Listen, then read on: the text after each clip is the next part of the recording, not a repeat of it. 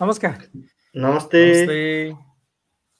यहाँलाई स्वागत छ हामीहरू आज पनि आइसकेका छौँ श्रमिक सञ्जालको यो लाइभ हरेक आइतबार र बुधबार आउने गर्छ आज आइतबारको दिन सधैँका आइतबार जस्तै आज पनि हामी विविध अपडेटहरू लिएर आएका छौँ विभिन्न देशहरूका जानकारीहरू तपाईँहरूसँग रहनेछन् र साथै आजको यो लाइभमा तपाईँका कमेन्टहरू पनि समेट्ने कोसिस गर्नेछौँ आज चाहिँ हामीसँग युएका जानकारी रहनेछन् सुरुमै भन्ने हेरौँ फेरि साथीले युएका जानकारी आउलान् भन्ने हेर्नु होला। केही हल्का फुल्का छोटा मिठा जानकारी त रहनेछन् तर म्याडम हुनुहुन्न त्यसैले जुन डिटेलमा हाम्रा जानकारीहरू रहन्छन् ती चाहिँ आज रहने छैनन्। र हामीलाई आशा छ तपाईँहरू जहाँ हुनुहुन्छ जस्तो हुनुहुन्छ सेफ हुनुहुन्छ सुखी खुसी हुनुहुन्छ आफ्नो जिन्दगी राम्रोसँग बिताइरहनु भएको छ आफ्नो कर्म गरिरहनु भएको छ। हामी सबै आफ्नो कर्म गरिरहेका छौँ हाम्रो कर्म थलोमा आज चाहिँ हामी सुरुवात कतारबाट गर्छौँ सरी कुवेतबाट गर्छौँ। कुवेतका समय जस्तै नै हरिसरसँग अलिकति धेरै नै इन्फर्मेसनहरू हुन्छन् होइन? आज पनि हामी कुवेततिर जान्छौँ सबभन्दा सुरुमा। हाम्रो लाइभलाई लाइक कमेन्ट र सेयर गर्नुभयो भने दुईवटा कुरा हुन्छ। एउटा त तपाईँले हाम्रो हौसला बढाउनुहुन्छ हामी पनि खुसी हुन्छौँ। तपाईँले हामीलाई एउटा कन्ट्रिब्युसन दिनुहुन्छ हाम्रो मेहनतलाई हाम्रा साथीहरूको मेहनतलाई तपाईँले एउटा माया दिनुहुन्छ भने अर्को कुरा तपाईँलाई यो इन्फर्मेसनहरू युजफुल लाग्छ भने तपाईँलाई अर्कोचोटि पनि जब हामीले लाइभ गर्छौँ हामीले लाइभ गर्दाखेरि तपाईँलाई त्यो लाइभ देखाइदिन्छ तपाईँको फेसबुकले तपाईँको न्युज फिडमा त्यो एकदम इम्पोर्टेन्ट छ। नत्र देखायो भने हामी हेर्न सक्छौँ देखाएन भने हामी हेर्न सक्दैनौँ। त्यसैले देखाओस् भन्ने चाहनुहुन्छ भने पनि लाइक कमेन्ट र सेयर गर्नुहोस्। यो इङ्गेजमेन्ट जनाउनुहोस्। अब चाहिँ हामी लाग्छौँ कुवेततिर। Thank you RP sir. त्यसै गरी हाम्रो महेश्वर सर। खास हामी श्रमिकको साथी भनेर हामीले बानी गरिसकेका थियौँ। फेरि त्यो कुरातिर हामी गएनौँ अहिले। तर सबै श्रमिक साथीहरूलाई विशेष दसैँ आइरहँदाखेरि धेरै कुराहरू उहाँहरूको होइन कतिलाई खड्किरहेको होला कति घर आउने तयारीमा हुनुहुन्छ होला। अहिले धेरैजना साथीहरूले हामीलाई जहाँ जहाँबाट हेरिरहनु भएको छ। सबैजना साथीहरूलाई हामी स्वागत गर्छौँ र अहिले आरपी सरले भने जस्तै तपाईँहरूले सेयर कमेन्ट माया हौसला दिनुभयो भने अथवा सुझाव दिनुभयो भने हामीलाई अझै सजिलो हुन्छ भन्न चाहे होइन। र विशेष गरी कुवेतको अपडेटहरूमा के छ भने कुवेतको नेपाली राजदूतावास कुवेतले चाहिँ जस्तो नयाँ राहदानी एप्लाई गरेकाहरूलाई राहदानी आएको भनेर एउटा सूचना निकालेको छ। तपाईँले पनि केही महिना अगाडि अथवा एक महिना अगाडि तपाईँहरूले चाहिँ के अरे राहदानी नवीकरणको लागि राख्नु भएको छ भने अथवा एप्लाई गर्नुभएको छ भने त्यहाँबाट लिस्ट हेरेर जानु होला त्यस्तै गरी कुवेतमा अहिले अलिकति सबै इलिगल एक्टिभिस्टलाई एकदमै कम गर्ने भनेर सबैतिर एकदमै चेक जाँचहरू कडा कडा भइरहेको कुराहरू आइरहेका छन्। र दुई दिन अगाडि चाहिँ जस्तो घरेलु कामदारहरूलाई सप्लाई गर्ने भनेर खोलेको नक्कली हाउसमेट भनिँदो रहेछ त्यसमा चाहिँ।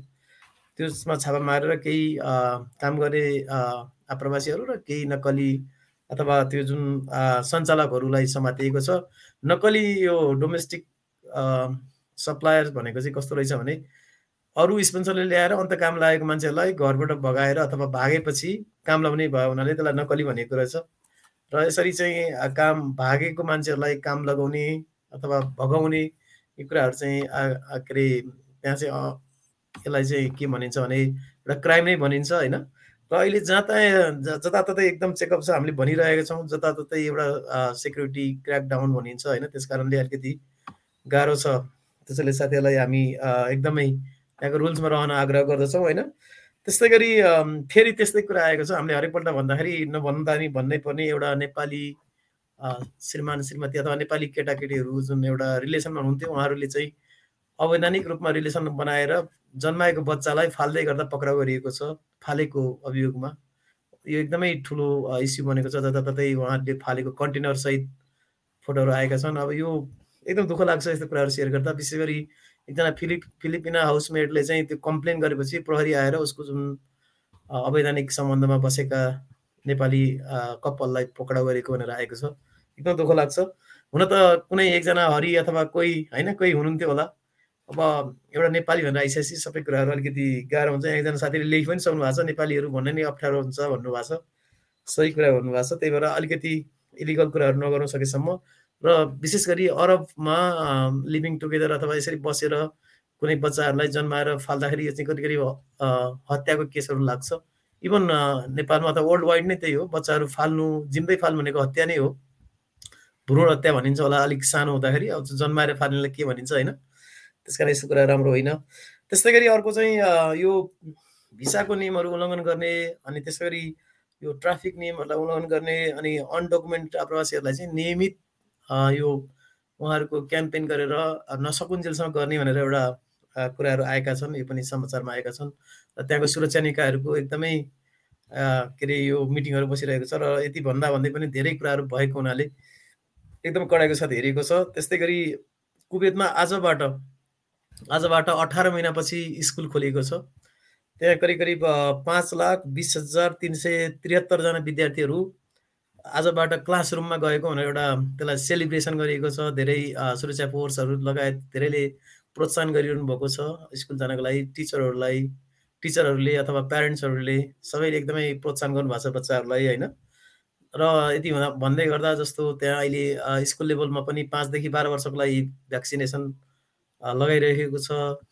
त्यसै गरी टिचरहरूलाई अथवा स्टाफहरूलाई पनि अलिकति वर्किङ आवर आवर चाहिँ रिड्युस गरेको भनेको छ भने विद्यार्थीहरूलाई नै केही छोटो समयसम्म पढाउने भनिएको छ र आजबाट चाहिँ अठार महिनापछि बल्ल फिजिकल रूपमा स्कुल जान पाएको भनेर एकदम हर्षोल्लासका साथ मनाएका फोटोहरू जताततै आएका छन् होइन? त्यस्तै गरी यो त्यहाँको कोभिडको मिनिस्ट्री अफ इन्फर्मेसनले चाहिँ के भनेको छ भने मिनिस्ट्री अफ इन्टेरियरले के भनेको छ भने जुन सोर्स एकदमै भरलाग्दो छ अथवा जुन एकदमै भरलाग्दो खालको अथवा सरकारले दिएका सूचनाहरूलाई मात्रै मान्ने मान्नको लागि सबैजना त्यहाँको नागरिकहरू आप्रवासीलाई अनुरोध गरेको छ र के भनेको छ भने यो साउदी अरबमा एउटा पेट्रोल पम्पमा भएको जुन अपहरण छ त्यसलाई चाहिँ कुवेतको भनेर प्रचार गरि गरिएको प्रति दुःख भनेर चाहिँ एउटा निकालेको छ। यो फल्स हो यो ट्रु होइन।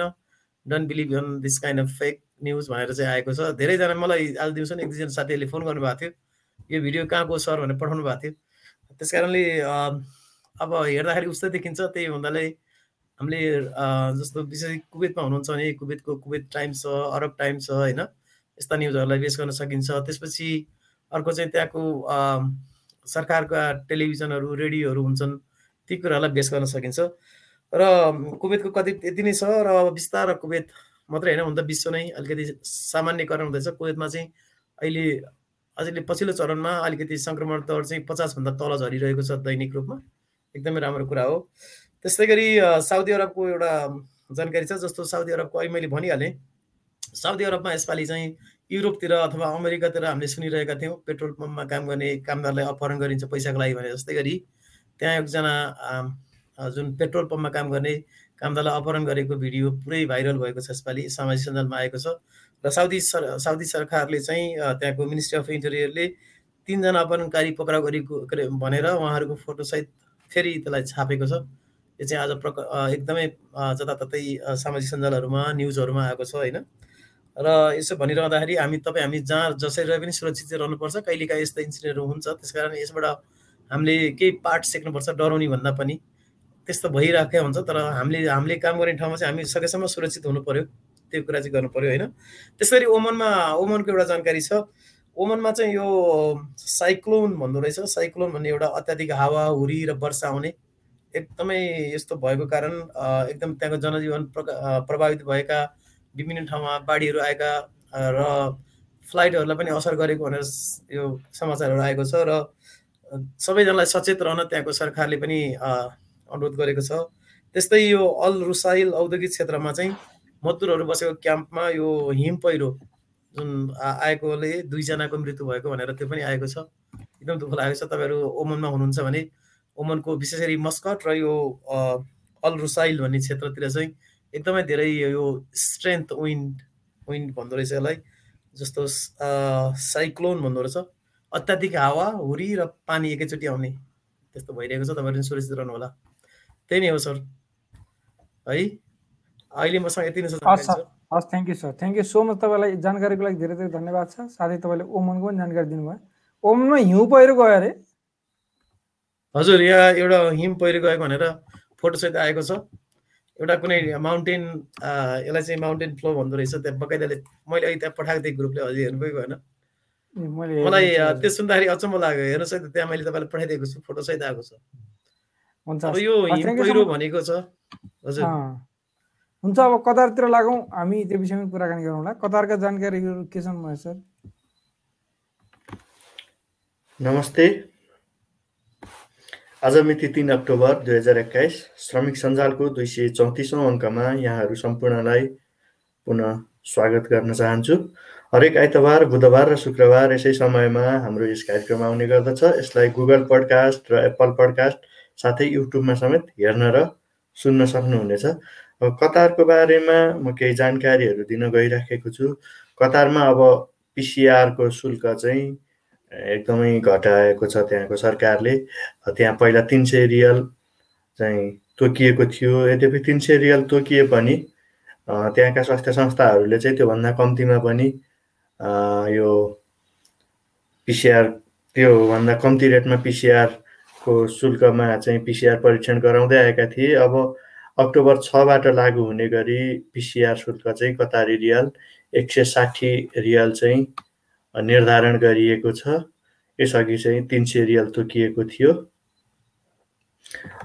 त्यसै गरी अक्टोबर छबाटै लागु हुने गरी अब कतार प्रवेश गर्दा दुवै खोप लगाएकाले दुई दिन र अन्यले सात दिन होटल क्वारेन्टाइन बस्नुपर्नेछ। यो नेपालीको हकमा पनि हुनेछ। नेपालमा पनि तपाईँले कतार सरकारले मान्यता दिएको भ्याक्सिन लगाएर कतार प्रवेश गर्दै हुनुहुन्छ भने चाहिँ अक्टोबर छबाट लागु हुने गरी चाहिँ यो तपाईँले त्यो खोप लगाएको छ भने दुई दिन र खोप लगाउनु भएको छैन भने सात दिन होटेल क्वारेन्टाइन बस्नुपर्नेछ।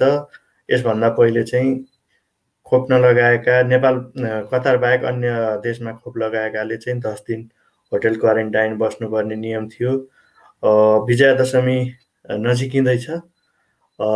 त्यसैको अवसरमा सात अक्टोबर अर्थात् बिहिबारको दिन चाहिँ घटस्थापनाको दिन छ।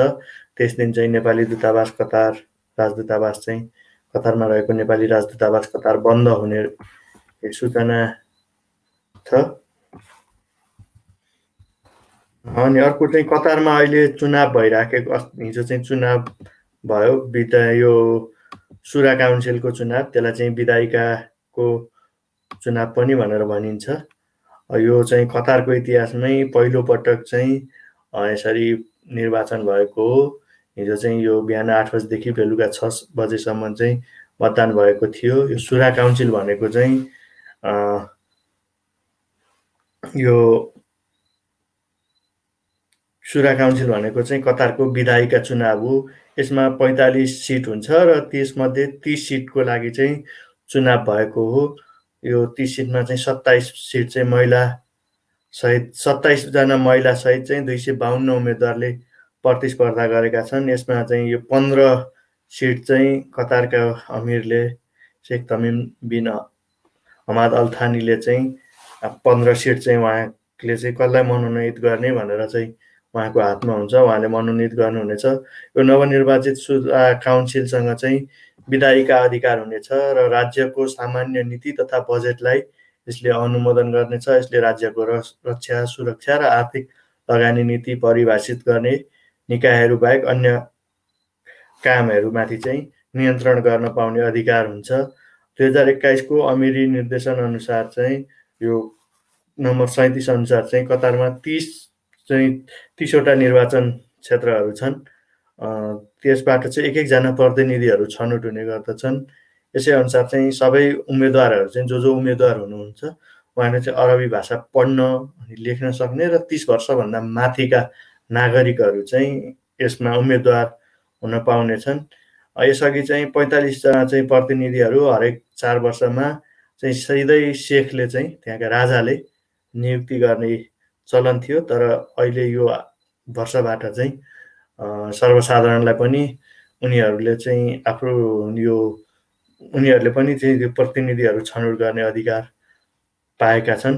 यो एउटा जिल्लामा चाहिँ एकमात्र उम्मेद्वार Hasan Abdullah Ghanim Al Ghanim Al मादतको चाहिँ हिजै त्यो जित पुष्टि भइसकेको छ। अरूको चाहिँ यो मतगणना हुँदैछ। यो कतारको सुरा काउन्सिल चाहिँ उन्नाइस सय बहत्तरमा स्थापना भएको थियो। यसले चाहिँ त्यहाँको भने अहिले चाहिँ पहिलोचोटि चुनाव भयो र मध्यपूर्वमा चाहिँ एउटा खाडीका देशहरूमा कतारले चाहिँ एउटा प्रजातान्त्रिक मुलुक है यो एउटा चाहिँ भन्ने हिसाबको सन्देश पनि दिन खोजेको छ भनेर चाहिँ भन्न चाहन्छु। यति नै छ मसँग आजको अपडेट।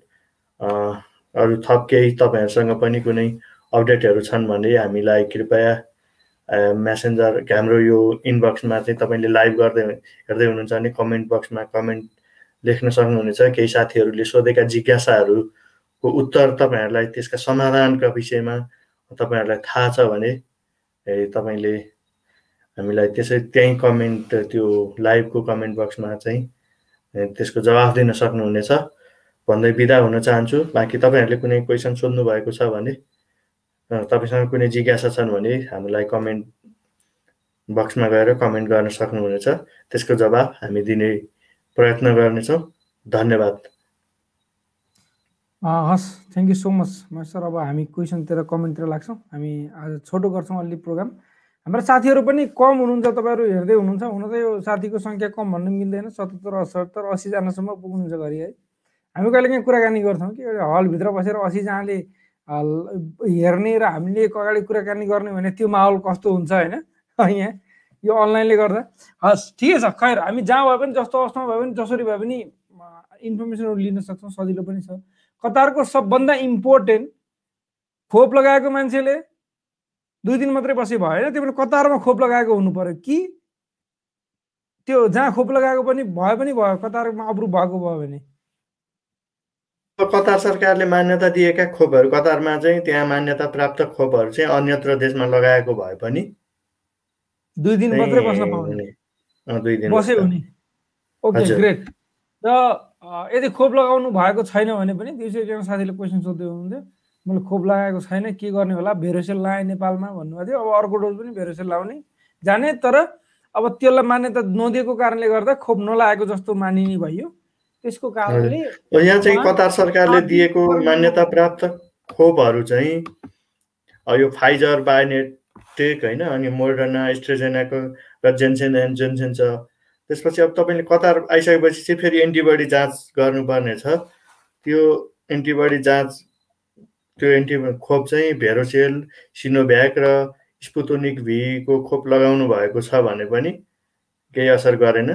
यो नेपालसहित नौ देशका खोप नलगाएका यात्रुहरूले चाहिँ कतार फर्कँदा अब सात दिन मात्रै होटल क्वारेन्टाइन बस्नुपर्ने भएको छ भनेर भनिएको छ। बुधबार अक्टोबर छदेखि लागू हुने गरी कतारी आइडी भएका र नयाँ भिसामा खोप नलगाई आउने व्यक्ति कतार आइसकेपछि चाहिँ सात दिन मात्रै क्वारेन्टाइन बस्नुपर्ने छ। यसअघि कतार फर्किँदा दस दिन चाहिँ क्वारेन्टाइन बस्नुपर्ने नियम थियो। अब यद्यपि खोप नलगाई भिजिट भिसामा आउने व्यक्तिहरूले भने अझै पनि कतार प्रवेश गर्न चाहिँ पाउने छैनन् होइन? कतारभित्र वा बाहिर कतार सरकारले मान्यता दिएको खोप लगाएका व्यक्तिहरू कतार फर्किँदा दुई दिन होटल क्वारेन्टाइन बस्नुपर्ने छ साथै बहत्तर घन्टाभित्रको चाहिँ नेगेटिभ पिसिआर नतिजा चाहिँ आवश्यक रहेको छ भनेर भनिएको छ। हजुर एकदम ठिक छ। थ्याङ्क यू सो मच एकदम डिटेलमा भन्नुभयो तपाईँले। चाहिने यति नै थियो। यो चाहिँ अहिले डिटेलमै चाहिने। यसमा चाहिँ भिजिट भिसा मा खोप्नु लगाएकाहरूलाई अनुमति दिइने छैन भइसक्यो। यसको मतलब रेसिडेन्सी भिसा एकजना साथीले क्वेसन पनि सोध्नु भएको छ कतारको भिजा खुल्यो कि खुलेन भनेर। रेसिडेन्सी भिजा रेसिडेन्सी भिजा नभनौँ वर्किङ भिजा इम्प्लोइमेन्ट भिसा भनौँ होइन त्यसलाई। हो त्यो पनि पछि रेसिडेन्सी त हुन्छ नै। त्यसमा चाहिँ आउन पाइयो होइन खोप लगाएर अथवा खोप नलायो भने सात दिन क्वारेन्टाइनमा बस्नु पऱ्यो हाम्रा साथीहरूले लेख्नुहुन्छ तामाङ प्रकाश नमस्कार म क्रोएसियाबाट हेर्दैछु भनेर लेख्नु भएको छ। काजी भट्टराई परदेशीले अब आउँदो लाइभ चाहिँ नेपालबाट हेर्छु भनेर लेख्नु भएको छ। थ्याङ्क यू सो मच अब हामी के क्वेसनहरू पनि छन् क्वेसनतिर लागौँ। एउटा हरि सरले एउटा महेश सरले क्वेसन लिनुभयो भने जातीय नेपाल जान के गर्नुपर्छ जानकारी पाउन प्लिज हरि सर भनेर चाहिँ रामजीवन यादवजीले हामीलाई क्वेसन सोध्नु भएको छ। उहाँ चाहिँ कुवेतबाट हुनुहुन्छ। उहाँ कुवेतबाट हुनुहुन्छ। उहाँले नेपाल जान के गर्नुपर्छ भन्नुभएको छ? सकेसम्म डबल डोज अथवा त्यहाँको खोप पुरा गरेर आउनुहोस् आउँदाखेरि। तपाईँ फर्किने हो भने अथवा नफर्किने भए पनि तपाईँलाई त्यो राम्रो हुन्छ। पहिलो कुरो। दोस्रो कुरो नेपाल आउनलाई त्यति गाह्रो छैन। अब तपाईँले आउनुको लागि त त्यही हो खोप लगाइसकेपछि पिसिआर रिपोर्ट गर्ने अनि आउँदाखेरि सिसिएमसीको फर्म भर्ने। पिसि तपाईँले के अरे खोप लगाइसकेपछि नेपालमा क्वारेन्टाइनको बस्नु पर्दैन। सजिलो छ। त्यति गाह्रो छैन अहिले आउन चाहिँ। तर जाने क्रममा चाहिँ केही कुराहरू छन् त्यही कुराहरूलाई बिस्तारै तपाईँले बुझ्नुहुनेछ। आफैले त्यो एमएनए एप्स होइन mobile apps mobile ID apps यी कुराहरू भयो भने चाहिँ अलिकति सजिलो हुन्छ। थ्याङ्क यू यहाँ साथीले कमेन्ट लेख्नु भएको छ। उहाँले चाहिँ अनिल गिरी सरले कुवेतमा नेपाली हुँ भन्न पनि त्रास हुन् त्रास हुन्छ जस्तै छ भन्नुभएको छ अनिलजीले। हामी आशा गरौँ सबै साथीहरूका बुद्धि जसका अलिकति गुमेको त भन्न मिलेन होइन? उहाँले बुद्धि पुर्याइसक्नु भएको छैन। उहाँहरूले चाहिँ आफ्नो लागि नसोचे पनि देशको लागि जनताको लागि सोध्नुहुन्छ त के भन्ने कुरा? आफ्नै लागि नसोध्ने मान्छेले अरूको लागि चाहिँ के सोच्ला होइन? अब हामीले चाहिँ त्यस्तो मान्छे भेटियो भने उहाँहरूको माया मान्ने होइन? पुलिसलाई खबर गर्ने। कसैले गलत गरिरहेछ भने मान्छेलाई हुन्छ नि नेपाली हो ठिकै छ छोडिदिउँ गर्न दिउँ भन्न भएन कि।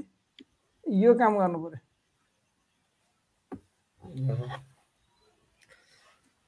हाम्रो राम जीवन यादवजीले लेख्नु भएको थियो मेरो भिसा लागेको छैन घरमा गरामा। ए गरामा तिरे। गरामा तिरेर जान पाइन्छ, पाइँदैन। पाइन्छ कि? अ, कहाँको होला सर उहाँ चाहिँ कुवेतको कुरा हो यो। राम उहाँको चाहिँ अलिकति समस्या थियो। अब यो गरामा तिरेर जाने भन्ने कुरा चाहिँ अब एकपल्ट बुझ्नै पर्छ। तपाईँले तपाईँको केस छैन भने त पाइएला तर तपाईँको केस छ भने पाइँदैन। उहाँको सायद केस छ जस्तो लागेको छ मलाई पहिला कुरा गर्दा। ठिक छ हामी इनबक्समा कुरा गरौँला पछि। के रहेछ बुझौँला एकपटक अनि तपाईँले पनि बुझ्न सक्नुहुन्छ। अर्को कोहीजना साथीको क्वेसन छ धनबहादुर राई सरको। उहाँले चाहिँ नर्मल फ्लाइट कहिलेदेखि खुल्छ होला सर भन्नुभएको छ ल। सर अहिले त नर्मलै फ्लाइट कुन देशमा होला उहाँ? हुनुहुन्छ होला उहाँ? उहाँले देश चाहिँ भन्नुभएको छैन तर कमेन्ट छ। गर्दाखेरि सुरुमा एउटा देशको नाम लेखेर अनि कमेन्ट गर्नु भयो भने हामीलाई इजी पनि होला किनभने हामी नर्मल्ली मध्यपूर्वका लगभग सबै देशहरूका साथीहरू आउनुहुन्छ। र specially Qatar Kuwait Saudi Arabia युएका साथीहरू धेरै हुनुहुन्छ। अनि बहराइन ओमनबाट त कहिलेकाहीँ कमेन्ट गर्नुहुन्छ उहाँले। उहाँले सायद लेख्नु पनि हुन्छ। अरू देशको साथीहरूले त्यति लेखे जस्तो पाइँदैन। धेरै जसोले युएको साथीहरू हुनुहुन्छ युएको भनेर त्यो भएर लेख्नु होला त्यो भने हामीलाई इजी हुन्छ। नर्मल्ली अब धेरै जसो देशहरूमा नर्मल नै फ्लाइटहरू छ। अब पहिला जति बाक्लो फ्लाइटहरू छैन अलिकति पातलो छ। तर रेट जुन जे फेयर भन्छौँ हामी भाडा भन्छौँ। हवाई भाडा चाहिँ देश हेरेर कुनै देशहरूमा कम्पनी नर्मल जति हुन्थ्यो त्यति नै भइसक्यो। अब दसैँको बेला भएर बढ्ने कुरा अलग हो। तपाईँ अघिल्लो या अघिल्लो अघिल्लो द दसैँ नै भएन होइन सायद दसैँको बेला बन्दै नै थियो होला। त्योभन्दा अघिल्लो दसैँ अथवा नर्मल दसैँहरूमा चाहिँ जति प्राइज हुन्थ्यो यो पाला पनि नर्मली त्यस्तै टाइपको प्राइज छ अथवा भाडा छ। त्यही भएर त्यसलाई चाहिँ नर्मलै मान्नुपर्छ। एकजना हजुरहरूलाई के भन्नु छ यसमा? होइन भने एकजना साथी हुनुहुन्छ हाम्रो एकदम लामो कमेन्ट गर्नुभएको छ उहाँको कमेन्ट पढौँ। ठिक छ सर यही हो। एलोनजीले एउटा कमेन्ट गर्नुभएको छ। महेश्वर सर? हजुर नमस्ते। म दुबईबाट। अब त दसैँ लाग्यो। धेरै याद आउँछ। घर परिवारको के गर्नु? बाध्यताले विदेशिनु परेको छ। नै त। दसैँ न त तिहार स्कुल चालु हुन्छ। बिदा पनि पाइन। जुन जुलाईमा र डिसेम्बरमा स्कुल क्लोज हुँदा छुट्टी पाइन्छ। अर्काको देशमा काम गर्न गाह्रो हुन्छ। अब त स्कुल फुल ओपन भएको छ। स्कुलहरूबाट सेफ्टी भन्नु भन्नु अपनाउनु सेफ्टी भने अपनाउनु पर्छ जस्तै मास्क लाउनुपर्छ यस्तै छ हजुर जे होस् चल्दैछ जिन्द जिन्दगी दुःख सुख अब दसैँ यतै दुबईमै मनाउनु पर्ला धेरै छौँ हामी नेपाली चेलीबेटीहरू फ्यामिली जस्तै भएर भन्नुभएको छ। अब यस्तै हो। हामी सबै विदेशीको पीडा चा चाडबाडमा चाहिँ घर परिवार आफन्तको याद आउनु त अब नौलो कुरै भएन। अब यसलाई चाहिँ बाध्यता हो। अनि त्यसपछि अब हामीले काम गर्ने ठाउँ पनि अब तपाईँ स्कुलमा हुनुहुँदो रहेछ। स्कुल त्यहाँ अब स्कुलमा काम गर्ने साथीहरूले पाउने भनेको त गर्मीको बिदामा अनि एउटा जाडोको बिदामा अनि त्यही रमादानको टाइममा हो बिदा पाइने। अनि त्यतिखेरै चाहिँ स्कुलहरूले चाहिँ छुट्टी पठाइदिन्छ। होइन? अन्यत्र थियो भने दुई वर्ष पुग्यो म घर जान्छु भनेपछि यस्तो मिलाएर हुनु पाइन्थ्यो। अब यस्तै छ बाध्यता अब दुःख सुख मनाउनु पर्छ। अब मैले चाहिँ यसलाई के भन्छु भने सबैको आफ्नो आफ्नो पर्सपेक्टिभ हुन्छन्। हामी परदेशमा छौँ हामी जाने कन्डिसनमा छैनौँ। हाम्रो एलन जिल्ला मात्रै नभएर हामी सबै परदेशी हाम्रा श्रमिक साथीहरूलाई जस्ट एउटा जस्ट मेरो एक्सपिरियन्स मेरो अनुभव तपाईँहरूसँग सेयर गर्न चाहेँ मैले। अनुभव त के भन्ने एउटा दर्शन जस्तो हो दर्शनै पनि होइन। के भन्दाखेरि हामीसँग जुन चिजहरू छैन हामीले त्यसलाई धेरै पिर गरेर त्यो चिज हुँदैन। हामी सकिन्छ घर जान जाने हो दसैँ मनाउने हो। सकिँदैन पिर लिने होइन। ईदलाई नै हाम्रो लागि दसैँ हो। जहिले छुट्टिन्छ त्यहिले हाम्रो दसैँ होइन? त्यो भएर त्यो त्यो टाइपले सोच्नुपर्छ। होइन भने हामी दुखी हुन्छौँ पीडित हुन्छौँ। हामीलाई दिक्क लाग्छ। हामी खुसी हुन सक्दैनौँ। अनि जब खुसी हुन सक्दैनौँ हामी जब खुसी हुन सक्दैनौँ तब हाम्रो रिफ्लेक्सन हाम्रो काममा देखिन्छ। हाम्रो वर्क पर्फर्मेन्स राम्रो हुँदैन। हामी परदेशमा छँदाखेरि यो मात्रै हो हाम्रो अरू केही छैन भनेको पाखुरी। भोलि तपाईँ पाखुरीले काम गर्न नसकेर बिरामी भएर एक दिन सुत्नुहोस्। आज एकदम माया गर्ने सुपरभाइजर तपाईँको म्यानेजर कम्पनीले भोलिका दिनमा तपाईँलाई वास्ता गर्दैन। यो संसारको अथवा स्पेसल्ली हामी मिडल इस्टमा हामी श्रमिकहरूको त यो पीडा नै हो। त्यसैले खुसी भौँ कोर पर्फर्मेन्स पनि बढ्छ। अनि त्यस्ता दिन आउँछन् फेरि फर्किने दिन आउँछन् आफ्नै देशमा। बरु छिटोभन्दा छिटो अलिकति कमाउने जम्मा गर्ने स्किल सिक्ने र आफ्नै देशमा फर्केर केही काम गर्ने अनि दिन हरेक वर्षका दसैँ मनाउने त्यो चाहिँ सपना त्यो चाहिँ योजना बनाउँदाखेरि चाहिँ राम्रो हुन्छ। त्यसैले पिर चाहिँ नगरौँ सबैलाई दसैँको त शुभकामना छ नै। तर टेन्सन चाहिँ नलिउँ भन्न चाहन्छु म चाहिँ।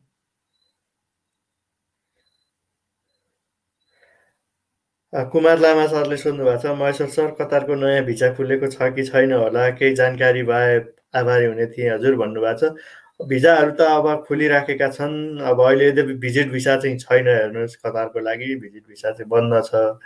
अब विभिन्न म्यान पावरहरूमा चाहिँ यो उयोहरू आएका छन्। अहिले अनलाइन मार्फत पनि इन्टरभ्यूहरू भइराखेका छन्। तपाईँले कतारमा नाम चलेका कम्पनीहरू चाहिँ गुगलमा गएर खोज्नुभयो भने ती कम्पनीहरूले चाहिँ नेपालबाट म्यान पावरहरू मागिराखेको छ। त्यहाँबाट चाहिँ प्रक्रिया पुरा गर्नुभयो भने उनीहरूले चाहिँ अनलाइन मार्फत चाहिँ इन्टरभ्यू लिएर अनि कुनै पनि एउटा म्यान पावरलाई चाहिँ सम्पर्क गराएर त्यसरी चाहिँ कामदारहरू लगिराखेको अवस्था छ।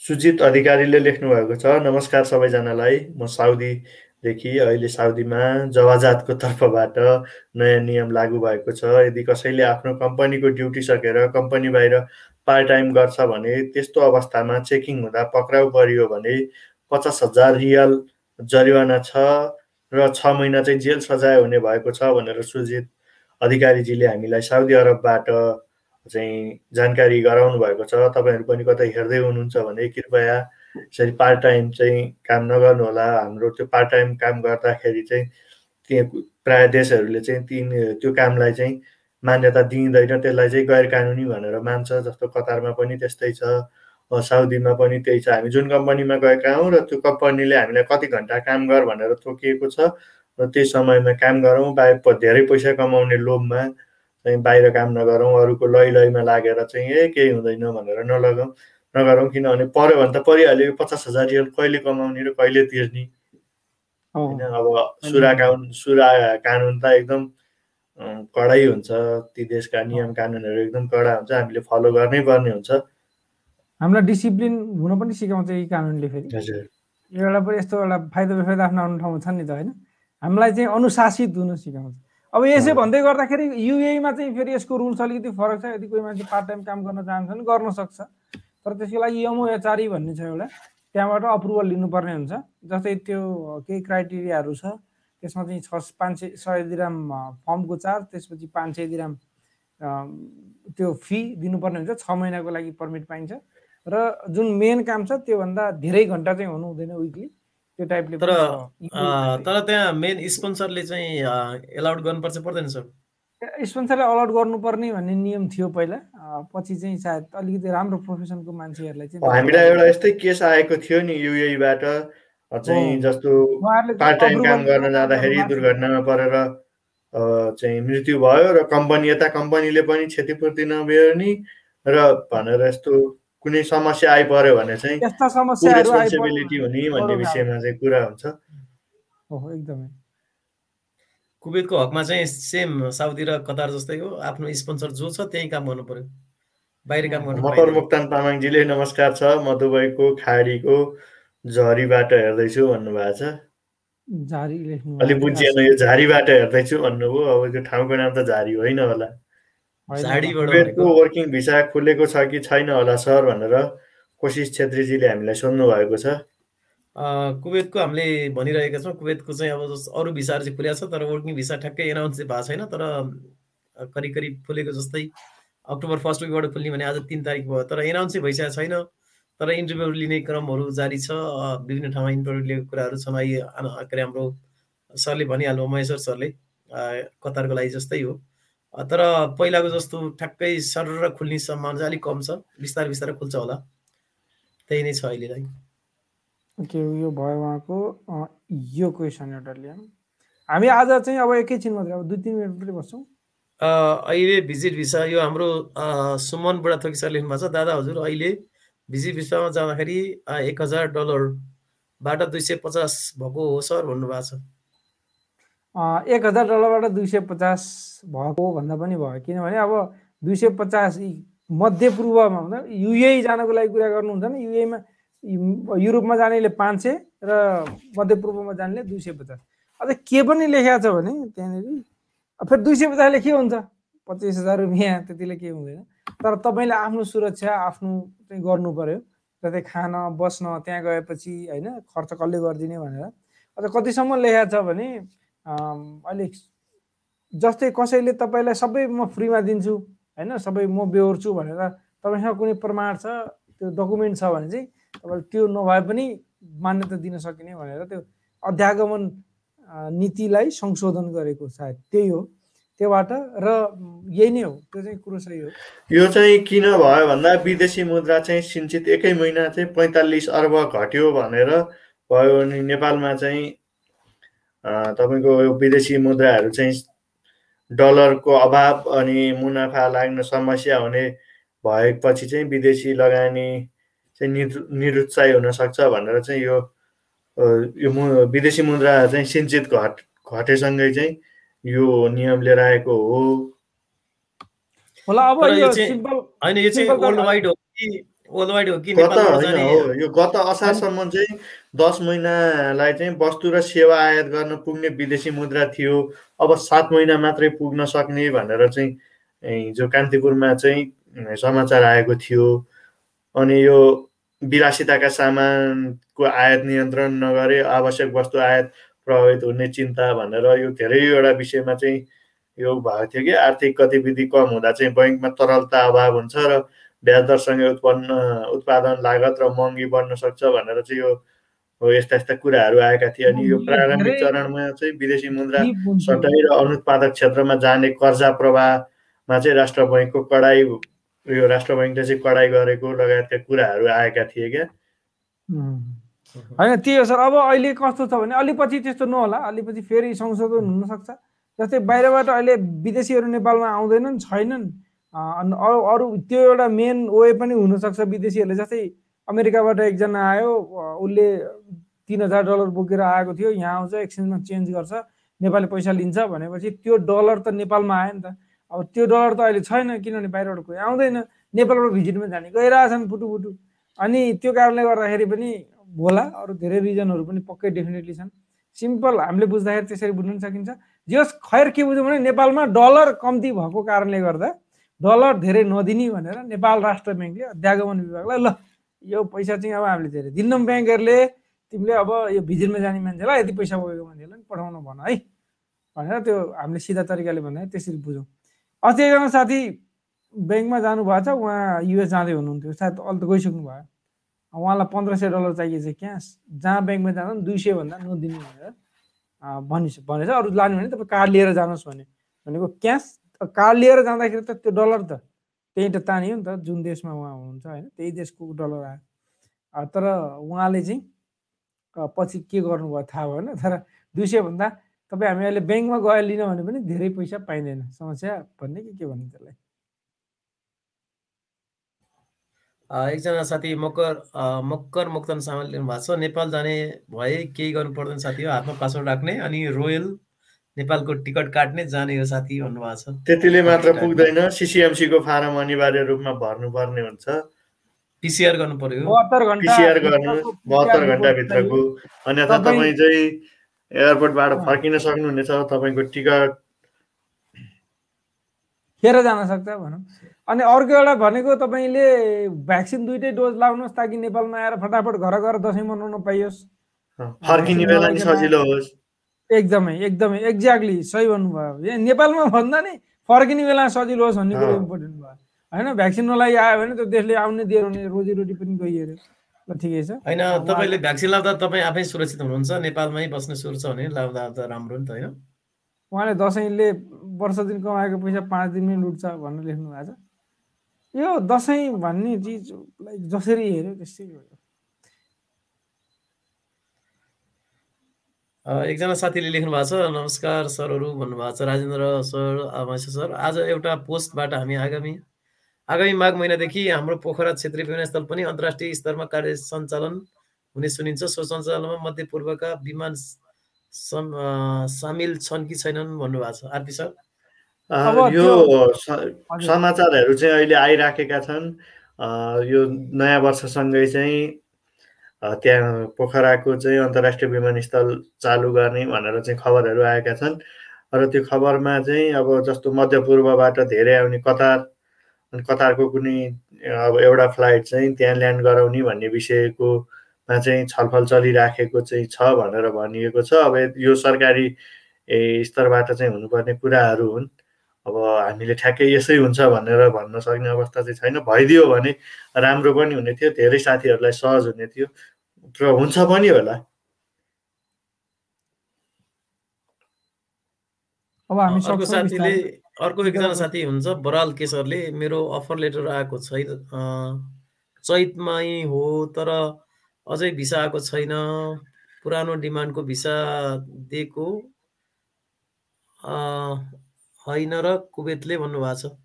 ए कुवेतले पुरानो चरण भिसा दिएको हो। पक्कै पनि उहाँले भनेको कुरा सही हो। कुवेतमा अहिले जस्तो पहिल्यै इन्टरभ्यू भइसकेका अथवा पहिले एप्लाई गरेका मान्छेहरूको भिसा चाहिँ आइसकेका छन् केही साथीहरू गइ पनि छन् नयाँ भिसामा होइन? अब यो तपाईँको अफर लेटर भने त अब कम्पनीले दिने अफर लेटर हो जुन भिसा भनेको चाहिँ इमिग्रेसन अफिसले दिने हो। अब कम्पनीले प्रोसेस गर्नु पर्यो। कम्पनीको पिआरओ अथवा मन्दुपले प्रोसेस गरेको भए सायद आउनुपर्ने हो अथवा अहिले अहिले भर्खर गर्नुभयो भए केही समय लाग्न सक्ला। त्यो चाहिँ मेन पावरले नै फलो गर्ने कुरा हो। ओके हस्। अब फाइनल्ली एउटा क्वेसन लिन्छौँ हामी। त्यसपछि आजको लागि कार्यक्रम सक्छौँ। सुमन बुढाथोकी सरले ले- लेख्नु भएको छ दादा नम नेपालबाट युए मनी सेन्ड गर्न के के गर्नुपर्छ? बताइदिनुहोस् न प्लिज भन्नुभएको छ। लिगल्ली रूपमा। नेपालबाट यही मनी सेन्ड गर्न गाह्रो हुनसक्छ पक्कै पनि तर तपाईँले रिजन खुलाउनु भयो भने एकचोटि ब्याङ्कसँग कुराकानी गर्नुभयो भने सानोतिनो पैसा पठाउन पनि सकिन्छ होला। यो लिगल्ली रूपमा चाहिँ तर सजिलै पैसा पठाउन सकिँदैन। तर अब अब यो कुरा हुन त अस्ति हाम्रो कुरा पनि चलिरहेको थियो हाम्रो ब्याकएन्डमा पनि। कतिपय चिजहरू कानुनले चाहिँ यस्तो नगर भन्छ तर कतिपय मान्छेहरूले गर्छन्। अनि त्यो हामीले चाहिँ यस मान्छेहरूले यस्तो गर्छन् भन्दाखेरि चाहिँ हामीले गलत बाटो सिकाएको हो कि तपाईँहरूलाई जस्तो पनि लाग्छ होइन? त्यही भएर ती कुराहरू चाहिँ नगरौँ होला। कोही साथीहरूले कसरी काम गर्छन् कसरी काम गर्छन् भनेर। त्यो कारणले गर्दा अब अहिले कोही साथीहरूले चाहिँ नेपालबाट जाँदाखेरि होइन त्यो जसरी डलर लिएर जानुहुन्छ भिजिटमा जानुहुन्छ उहाँलाई उहाँ नचाहिने हो भनेदेखि पठाउनु हुन्थ्यो त्यो हजार डलरसम्म हुन्थ्यो अहिले त्यो अब दुई सय पचासमा झऱ्यो भनेपछि त्यति पैसा अब सानोतिनो हो भने त्यही हो त्यही पनि एकचोटि तपाईँले ब्याङ्कसँग कुराकानी गर्नुभयो भने बेटर हुन्छ जस्तो लाग्छ मलाई तर अहिले जस्तो कुवेतको हकमा चाहिँ नेपालबाट कुवेत पैसा पठाउनु पाइँदैन तर कुनै तपाईँको कतै कम्पनीलाई तिर्ने यस्तो छ भने दूतावाससँग समन्वय गरेर परराष्ट्र मन्त्रालय मार्फत पठाउनु पर्ने चाहिँ सिस्टम रहेछ मैले छु। ए ए ए जस्तो कसैलाई कसैलाई अत्याधि अत्यावश्यक पर्यो भने त्यो रिपोर्टहरू अथवा त्यो आफ्नो डिमान्ड अनुसारको कुराहरूलाई मिलाएर परराष्ट्र मन्त्रालयमा गएर काउन्सिलर विभागबाट तपाईँले पठाउन सक्नुहुन्छ। र नेपाली दूतावास मार्फत उताबाट लिन मिल्छ तर त्यो चाहिँ अब के कामको लागि हो प्रपोज खुलाउनु पर्ने हुन्छ। सामान्य अब यो व्यापारहरूको लागि त नहोला तर अब तिर्ने पनि कसैको गरामा हुनसक्छ कसैको जेलमा हुनसक्छ कसैलाई वकिल चार्ज तिर्नु पर्ला यस्तो हकमा चाहिँ गर्छ। अब कोही मान्छे भिजिटमा गएर पैसा पठाउनु पर्यो भने नि पच्चिस हजार मात्रै लिएर गएको छ पच्चिस तिस हजार। त्यो बेलामा के होला सर? अ, त्यो बेलामा तपाईँको आफ्नो जस्तो रिजनेबल कुराहरू छ भने पक्कै सहयोग गर्छ किनभने गर्छ होला जस्तो लाग्छ मलाई। एकपल्ट जानुहोस्। अब हुन्छ, पहिला त हस्, बैङ्कसँग बुझ्नुहोस् भएन भने काउन्सिलरमा जानुहोस् होइन? एकपल्ट बुझ्नुहोस्। बुझ्नुहोस् एकचोटि। हुन्छ हस् त आजलाई यति नै गरौँ होला। जो साथी जहाँ हुनुहुन्छ जस्तो हुनुहुन्छ सेफ रहनु होला महेश सर के भन्न खोज्दै हुनुहुन्छ होइन मसँग केही पनि। छैन। ल त्यो। नमस्कार तपाईँको समय शुभ रहोस्